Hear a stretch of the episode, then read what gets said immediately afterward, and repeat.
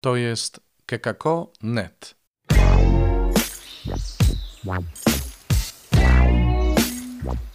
Poranny suplement diety.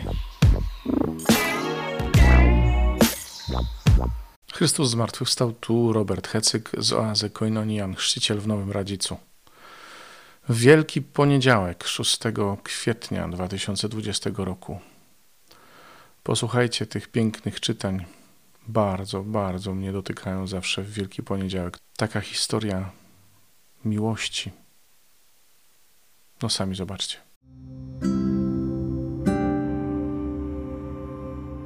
Z księgi proroka Izajasza. To mówi Pan. Oto mój sługa, którego podtrzymuję, wybrany mój, w którym mam upodobanie. Sprawiłem, że duch mój na nim spoczął. On przyniesie narodom prawo. Nie będzie wołał ani podnosił głosu, nie da słyszeć krzyku swego na dworze. Nie złamie trzciny nadłamanej, nie zgasi ledwo tlejącego się knotka. On rzeczywiście przyniesie prawo. Nie zniechęci się, ani nie załamie, aż utrwali prawo na ziemi, a jego pouczenia wyczekują wyspy. Tak mówi Pan Bóg, który stworzył i rozpiął niebo, rozpostarł ziemię wraz z jej plonami, dał ludziom na niej dech ożywczy i tchnienie tym, co po niej chodzą. Ja, Pan, powołałem Cię słusznie, ująłem Cię za rękę i ukształtowałem. Ustanowiłem Cię przymierzem dla ludzi, światłością dla narodów, abyś otworzył oczy niewidomym, ażebyś z zamknięcia wypuścił jeńców, z więzienia tych, co mieszkają w ciemności.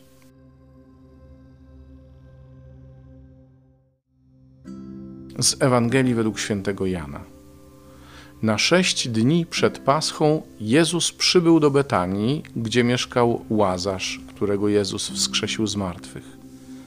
Urządzono tam dla niego ucztę. Marta usługiwała, a Łazarz był jednym z zasiadających z nim przy stole.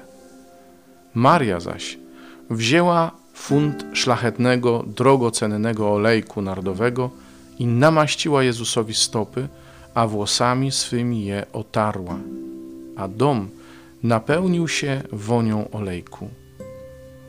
Na to rzekł Judasz Iskariota, jeden z jego uczniów, ten, który go miał wydać.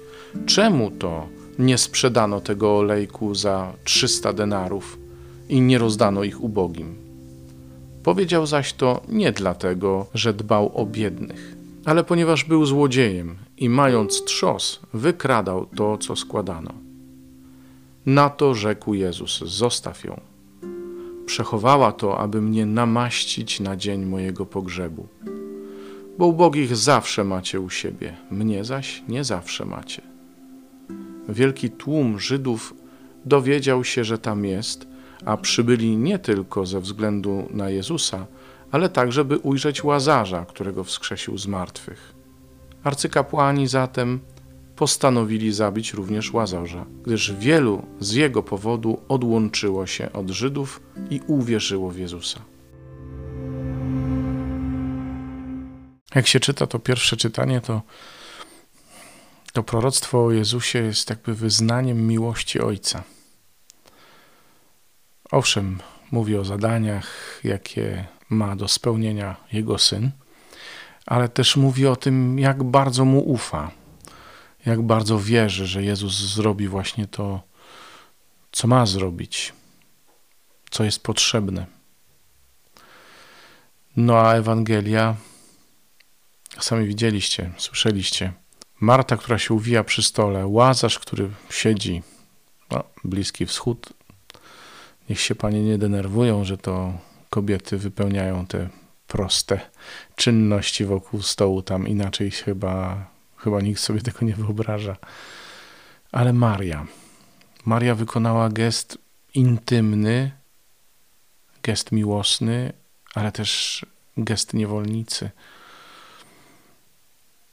Wylała flakonik olejku nardowego. Ja podejrzewam, że to mogło być jej wiano. i włosami swymi otarła Jezusowi stopy. Namaściła go, jak sam mówi, na pogrzeb. Musiała to przeczuwać. Zrobiła coś profetycznego.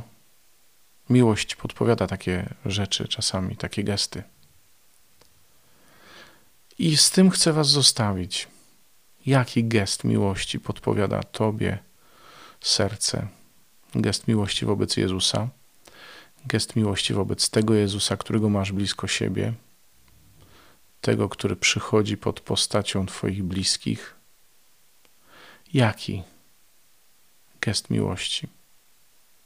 Mówię o geście miłości, o geście, który mówi: Kocham Cię, jestem Twój, Twoja, ufam Ci. Tyle może na dzisiaj. Zachęcam do subskrybowania podcastu, do dzielenia się nim, do nagrywania wiadomości, do pisania na adres redakcja. Dziękuję za uwagę. Do usłyszenia. Do jutra. To jest kekako.net.